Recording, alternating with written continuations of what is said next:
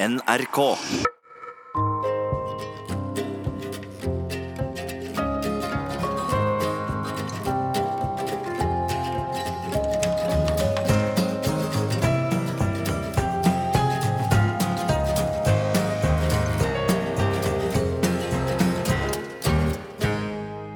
Livet er rart.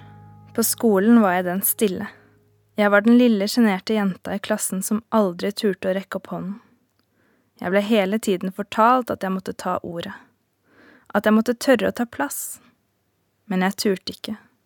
Jeg var usikker og redd for å svare feil eller formulere meg på en måte som gjorde at ingen forsto.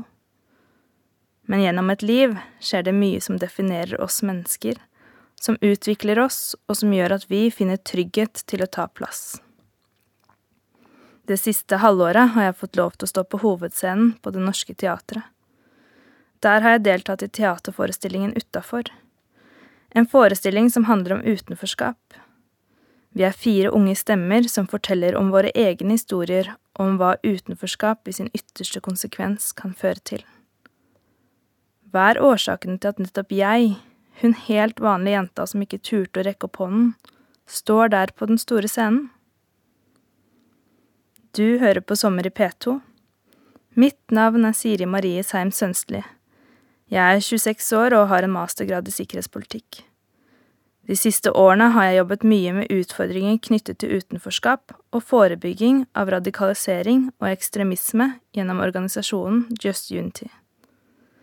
Den neste timen skal jeg fortelle om min vei til teatret, om hvordan jeg selv har opplevd utenforskap og hvorfor det har blitt så viktig for meg å bidra med min historie om at det er mulig å komme tilbake til fellesskapet, selv når alt rundt deg føles utrygt og usikkert.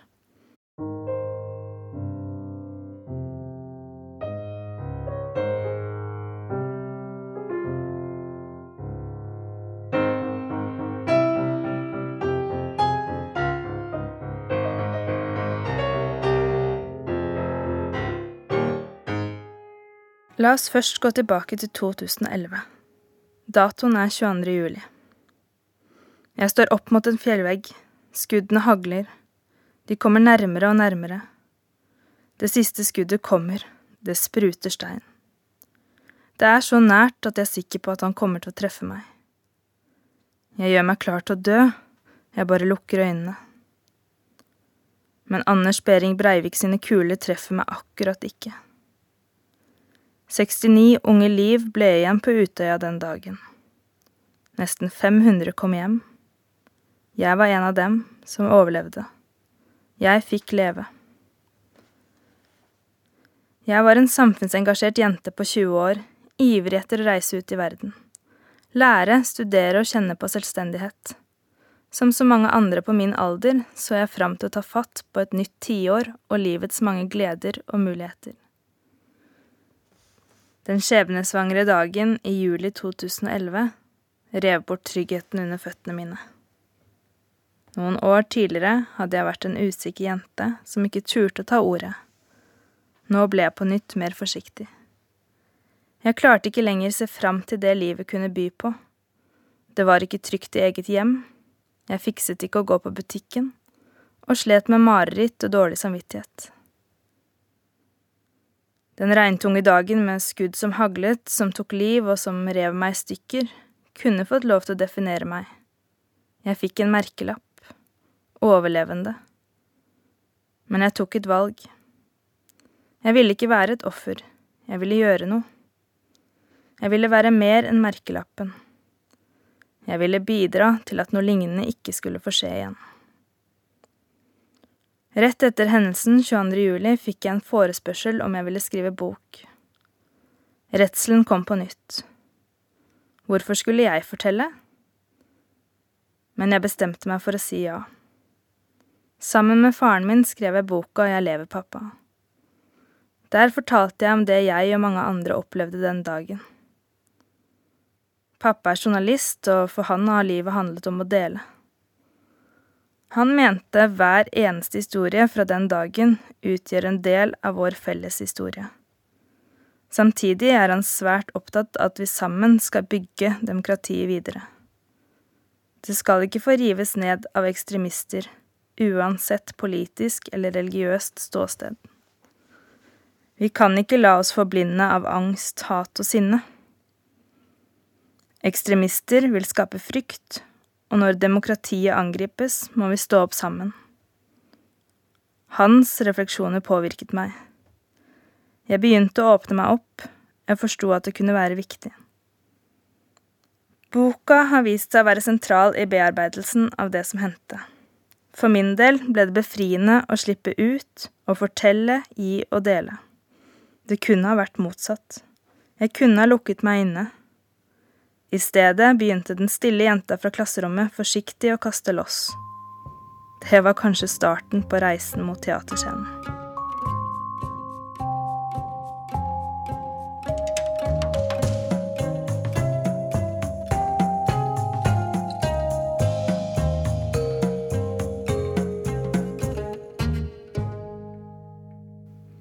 En høstdag i 2011, bare noen måneder etter 22. juli, reiste jeg til England for å studere internasjonal politikk og menneskerettigheter ved University of Essex. Jeg var redd og skalv som et aspeløv. Jeg var nær ved å gi opp studiene flere ganger, og jeg lengtet hjem til Norge store deler av tiden. Men det gikk på et vis.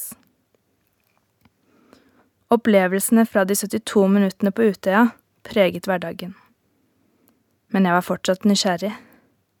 Jeg søkte svar, en form for forståelse, og kanskje noe som kunne lukke åpne sår. For hvorfor drepte han, og hvorfor drepte han akkurat oss? Fire års studier resulterte i en mastergrad i sikkerhetspolitikk. Jeg skrev en oppgave om hvordan vi kan avradikalisere enkeltpersoner som har gått inn i ekstreme miljøer. Jo mer jeg lærte på skolen, desto mer forsto jeg om hva som drev Anders Behring Breivik. Forskning viser at utenforskap er en av de mest sentrale faktorene for radikalisering. For meg er det viktig at vi tør å snakke om dette. Hvordan ender man opp der? På et sted i livet hvor man er villig til å ty til vold og utføre terror? Hva driver mennesker til å gå så langt? Mange spør meg om jeg ikke hater Breivik. Først vil jeg svare med å si at jeg aldri ville kunne forsvare det han gjorde. Han har påført samfunnet og så mange enkeltmennesker og familier store ødeleggelser, inkludert meg selv og mine. Og ja, jeg har hatt mine tanker om Breivik og hans handlinger. Jeg har følt på et enormt sinne, stor fortvilelse og en massiv frustrasjon men jeg har aldri følt hat. Og jeg vil at du skal forstå hvorfor. Det er ingen som er født som terrorist. Ingen er født onde. Det er menneskeskapt. Begynnelsen er ofte utenforskap. Breivik fant seg aldri til rette på skolen, i politiske partier eller i samfunnet. Han brukte mye tid foran dataskjermen og fant meningsfeller der det var meningsfeller å finne. I mørket på internett. Mye starter med en følelse av utenforskap. Det å stå utenfor og se inn på et fellesskap som man ikke føler seg en del av. En følelse av å være annerledes, eller ikke finne sin plass. Mennesker ønsker tilhørighet. Vi vil kjenne nærhet, få støtte og ha noen å lene oss på. Om verden, slik du kjenner den, vender seg imot deg, vil du forsøke å finne ditt eget univers. Og det er ikke alltid på de beste stedene man søker. Fra forskningsstudier som tar for seg påvirkningsfaktorer for å gå inn i ekstremistiske miljøer, i rusen eller i kriminelle gjengmiljøer, vet vi at mange av faktorene er like. Det betyr ikke noe om du heter Anders, Abdelhamid, Mohammed, Adam, Samantha eller Nicolas, Ola eller Kari. Utenforskap er roten. Begynnelsen. I ytterste konsekvens kan det gå så langt at noen tar det et steg videre. De blir ekstreme, og gjennomfører handlinger de tror er i tråd med eget tankesett. Det kan være terror, skoleskytinger eller massedrap.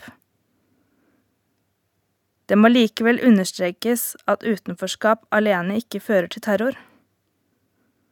Alle som føler seg utenfor, blir ikke terrorister. Selvfølgelig. Men vi må være bevisst på at det hele starter et sted, og at utenforskapet kan få enkelte til å søke et fellesskap som er destruktivt. Dette er en samfunnsutfordring som har blitt viktig for meg de siste syv årene. Jeg brenner for å få dette temaet opp til overflaten. Opp i vår bevissthet, opp til overskriftene i rikspressen og over middagsbordet. Ikke bare fordi utenforskap, om det går langt nok, kan være roten til hendelser som når avisforsidene, men fordi jeg vet at utenforskap er en følelse som ganske mange, om ikke alle, kan kjenne seg igjen i. Jeg har opplevd den ytterste, mest brutale konsekvensen av et slikt utenforskap. Men jeg har også kjent på hva det vil si å føle seg utenfor, og å ikke finne sin plass.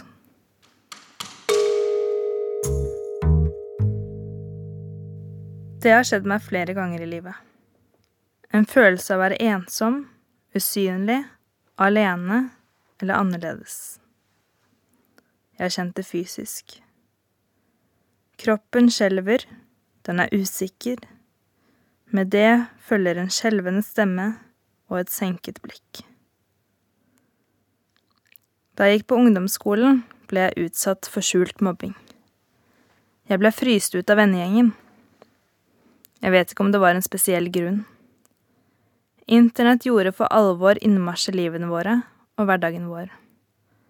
Bak skjermer, ute på det store nettet, ble det lettere for folk å angripe og skrive nedsettende og hetsende kommentarer. Jeg følte meg alene. Jeg ble tvunget til å velge en annen skole enn jeg ønsket på grunn av mobberne. Jeg levde med en klump i magen. Jeg mistet tilliten til mennesker og troen på at jeg ville finne et sted å passe inn. Et sted jeg kunne ta plass og være meg selv. På skolen ble det vanskeligere å ta ordet. Det var tøft å rekke opp hånden. Likevel bestemte jeg meg for å klare målet mitt. Jeg skulle få gode nok karakterer til å komme inn på den videregående skolen jeg ville skolen hvor de andre ikke ville søke seg til. Med god hjelp hjemmefra ble jeg rustet til å stå imot. Når jentene skrek til meg og kalte meg stygge ting, hadde faren min lært meg at jeg skulle svare helt rolig. Jeg skulle ikke godta det de sa, men jeg skulle kjempe imot på en rolig måte. Det funket. Det ble ikke like gøy å plage meg. Jeg fremsto sterk, selv om jeg gikk hjem og var redd, alene og følte meg annerledes. Tiden på videregående ble bedre. Det var en ny klasse og nye mennesker. Jeg var fortsatt stille og slet med å knytte meg til de andre i klassen. Men i klassen fant jeg også et fellesskap. Jeg kom til en samfunnsengasjert klasse hvor det var lov til å mene, si ifra og være sammen. Det gjorde at jeg etter hvert ble med i AUF, Arbeiderpartiet sin ungdomsorganisasjon. Samholdet som ble skapt i klassen, var ulikt alt annet jeg hadde opplevd. Jeg møtte mennesker som hadde samme interesser, men som samtidig var ulike fra meg selv på mange måter. Den dag i dag er vi en større gjeng som stadig finner på noe sammen. Jeg fikk ny iver til å utforske livet og alt det kan by på. Jeg ble mer interessert i samfunnet, turte å ta plass og fant steder hvor jeg trivdes. Følelsen av å være utafor ble på nytt tydelig i tiden etter 22. juli. Tiden hvor hverdagen skulle læres og leves på nytt. Det var som om jeg sto utafor og titta inn på samfunnet og på hverdagen jeg en gang hadde kjent. Jeg følte ingen trygghet. Alt måtte prøves ut. Det ble en første gang for alt. Sove i egen seng. Gå på butikken. Være på kafé. Være alene. Gå på tur i skogen. Eller være med venner. Jeg husker spesielt én dag. Det var midt i Oslo. Jeg sto i et kontorlandskap noen etasjer over bakkeplan. Faren min og jeg skrev på boka vår om opplevelsene fra den dagen. Jeg kikket ut av det store vinduet. Det var overskyet, og solen gløttet forsiktig på himmelen. På den tiden var jeg fortsatt livredd og utrygg. Jeg kartla alltid rømningsveier og telte nødutganger. Alarmberedskapen i kroppen var på konstant. Fra vinduet så jeg ned på folk som hastet av sted. Dresskledde menn og kvinner i lange kåper på vei til jobbene sine. Skoleelever som lo og tullet. Jeg husker jeg så på dem der de tilsynelatende gikk rolig og tilfredse på vei til en vanlig arbeids- eller skoledag. De kalkulerte ikke risiko. De lette ikke etter nødutganger, og de fryktet ikke mennesker rundt seg. En dame gikk inn på Stockflets, like ved tinghuset i Oslo. Det var lunsjtider. Hun hadde et flott antrekk og blafrende hår. Jeg husker det intense ønsket om at det var meg. At jeg kunne gå inn på kafeen og kjøpe en enkel caffè latte og gå tilfreds ut som alle andre mennesker. Men jeg turte ikke. Mestret ikke. Klumpen i magen festet seg. Hele tiden fortalte eksperter oss om hvor viktig det var å ta tilbake hverdagen. Men hverdagen var ikke normal. Den var ukjent, utrygg og krevende. Jeg hadde blitt satt utafor. Å skrive bok om det som skjedde på Utøya, var krevende. Konsentrasjonen min var ødelagt, og etter en arbeidsdag på åtte timer hendte det at det bare sto igjen én setning. Jeg husker jeg måtte legge meg ned, titte i taket og hele tiden kjempe for å levere noe. Det gikk fordi noen ga meg tid. Redaktører, språkvaskere og andre tilbød hjelp når jeg trengte det. Jeg ble sett. Det ble akseptert at jeg var annerledes, at jeg brukte tid, og til tider slet. Jeg tillot dem å pushe meg, skyve meg fremover. Slik skapte vi mestring, utvikling og tilhørighet til det samfunnet jeg skulle delta i igjen. Utenfor vinduet hastet hverdagen videre hverdagen jeg drømte om å være en del av. Den jeg lengtet så intenst tilbake til. Tenk deg det! Å lengte etter å småstresse rundt for å rekke alt du har i fore. For meg virket det som lykke, for livet mitt var fremdeles kaos. Breivik tok liv, han ødela liv, og han etterlot seg åpne sår hos mange hundrevis av mennesker for noen har ikke sårene grodd. De kjemper fortsatt med å finne tilbake til hverdagen. Andre har funnet en slags normalitet, nå syv år etter. Jeg vil aldri forsvare det han gjorde. Breivik er ene og alene skyld i det som skjedde den 22. juli. Ødeleggelsene han har påført meg og mine, samt veldig, veldig mange andre, kan ikke gjøres om på. Det har skjedd. Men det kan vi også lære av. Mye gikk galt den dagen. I årene som har gått, har vi belyst mange sider. Vi har en oppgave når det gjelder å hindre at det skjer igjen. Vi kan sette ned kommisjoner, lage rapporter, men vi må snu alle brikker og belyse alle sider. Derfor må vi snu og vende på alt. Vi må slutte å unngå å snakke om Breivik, ekstreme holdninger og det som skjedde den dagen. 22. juli er ikke et kort som brukes av berørte. Det er en hendelse som har skjedd. De gangene jeg har holdt foredrag, har jeg blitt spesielt bevisst på dette. De aller fleste elever jeg har møtt rundt om i landet, har hørt om datoen 22. juli. Men alle kan ikke historien. I vinter jobbet jeg som lærervikar for ungdomsskoleelever. Da holdt jeg et foredrag om 22. juli. Etterpå fikk jeg høre av kollegaer at foreldre hadde ringt. De takket for at jeg fortalte om den dagen, noe de selv ikke hadde visst hvordan de skulle gjøre. Det var da det slo meg at vi har et ansvar for å fortelle historien til nye generasjoner.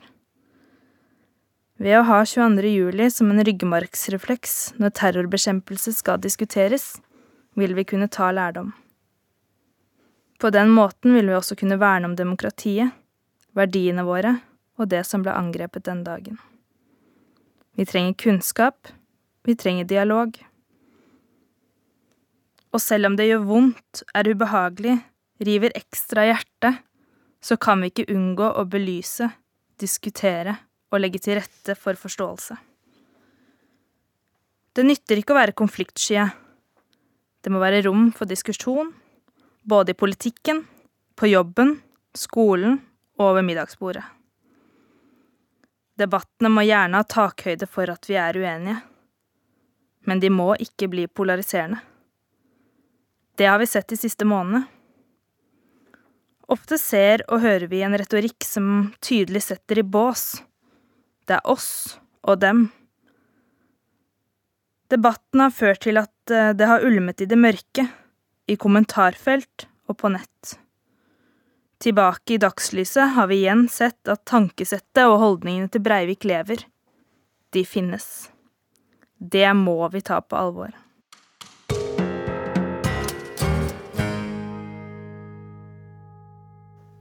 Det første studieåret i England var tøft. Den første tiden ville jeg gi opp flere ganger. Jeg prøvde å henge med i studiehverdagen, å være som de andre som både studerte og levde sosiale liv med studiekamerater. Men jeg slet. Jeg sov ikke, jeg spiste ikke, jeg bare gikk fra A til B. Jeg hang ikke med, konsentrasjonen og hukommelsen var svekket. Men etter hvert ble det bedre. På universitetet møtte jeg en jente fra Trøndelag. Camilla så at jeg ikke hang helt med. Hun sørget for at jeg fikk i meg middag. Hun fikk meg med på sosiale arrangementer og lot meg bruke tid.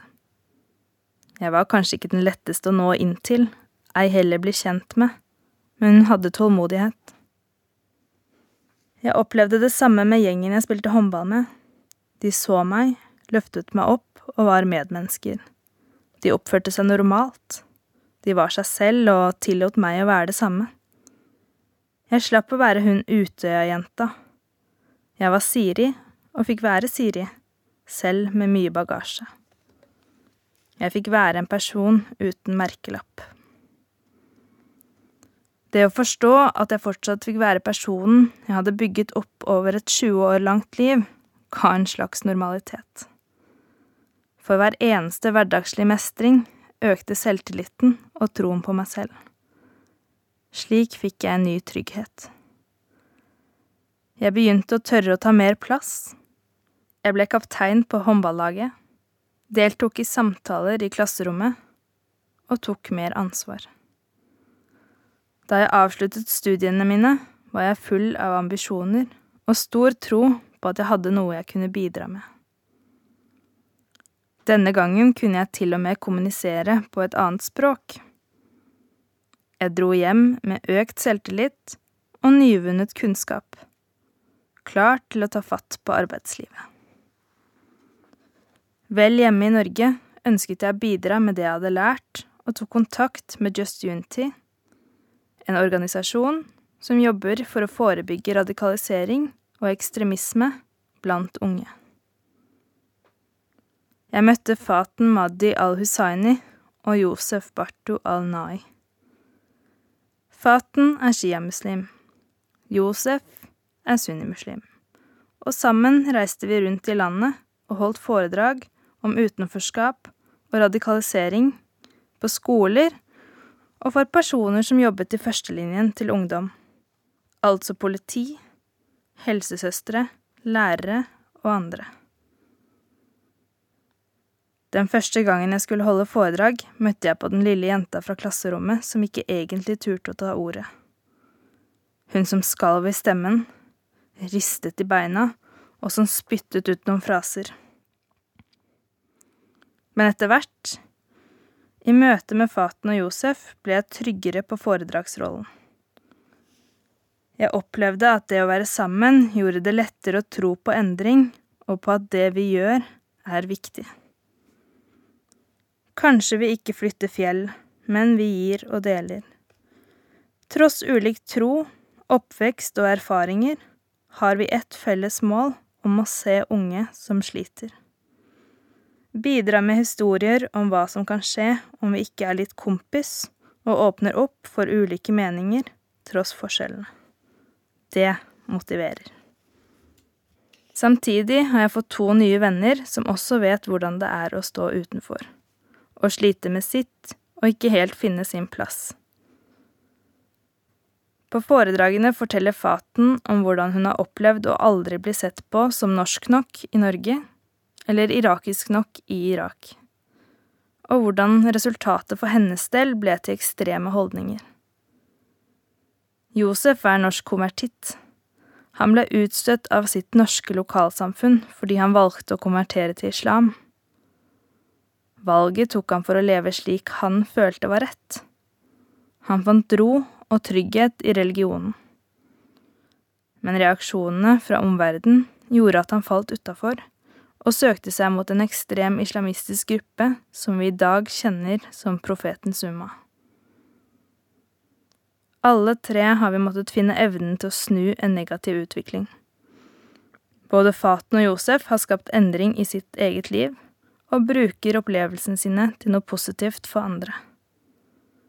For meg har det handlet om å komme ut av utryggheten og utenforskapet etter 22. juli. Etter det jeg har opplevd, tenkte jeg at det å holde foredrag sammen med dem ikke kunne være verre enn å løpe for livet.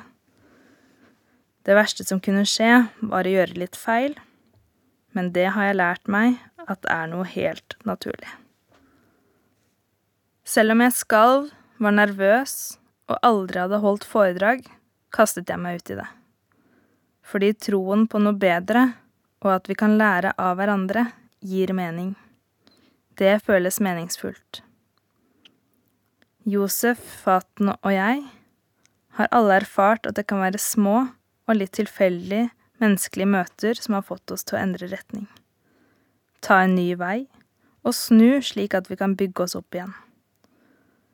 Vi har lært og erfart, alene og sammen, at det er ikke oss og dem. Det er et oss. Det er et vi. Sammen kan vi utrette gode ting, selv med ulik bakgrunn, meninger og erfaringer. Slik er samfunnet også. Det er bygget opp av legoklosser. Hvert eneste menneske, hver eneste institusjon, hvert politiske vedtak, regjering, bedrift, barn som voksne. Vi trenger at vi spiller på lag. Da må vi se hverandre. Vi må være en flokk. Det er oss, og vi har et felles samfunn.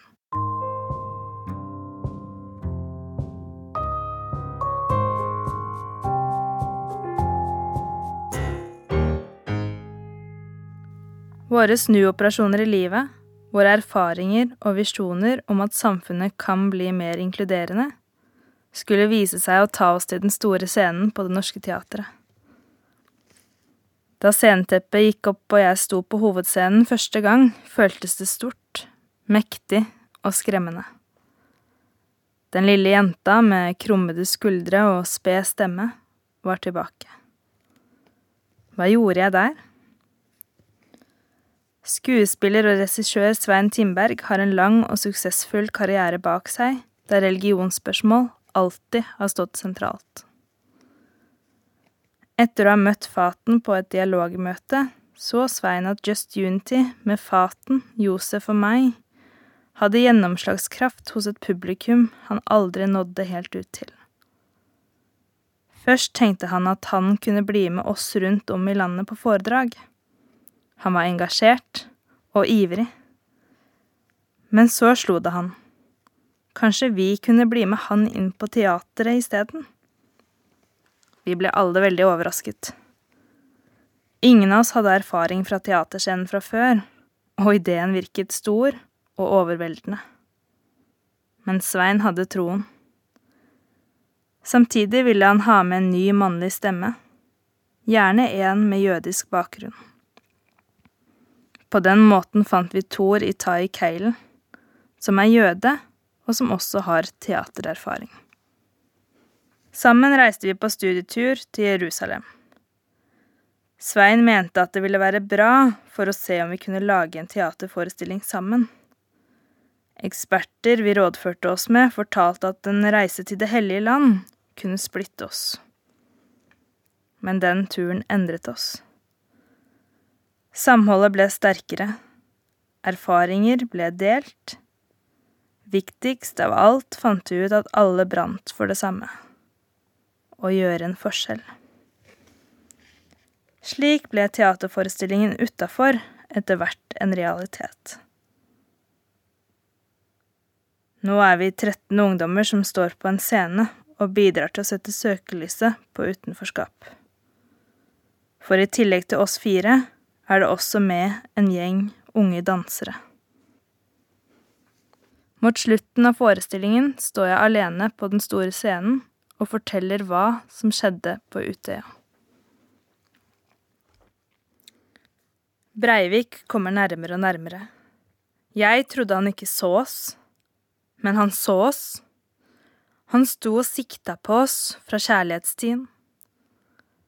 Han tok bare én etter én, og det var så nært at jeg var sikker på at nå kommer han til å treffe meg.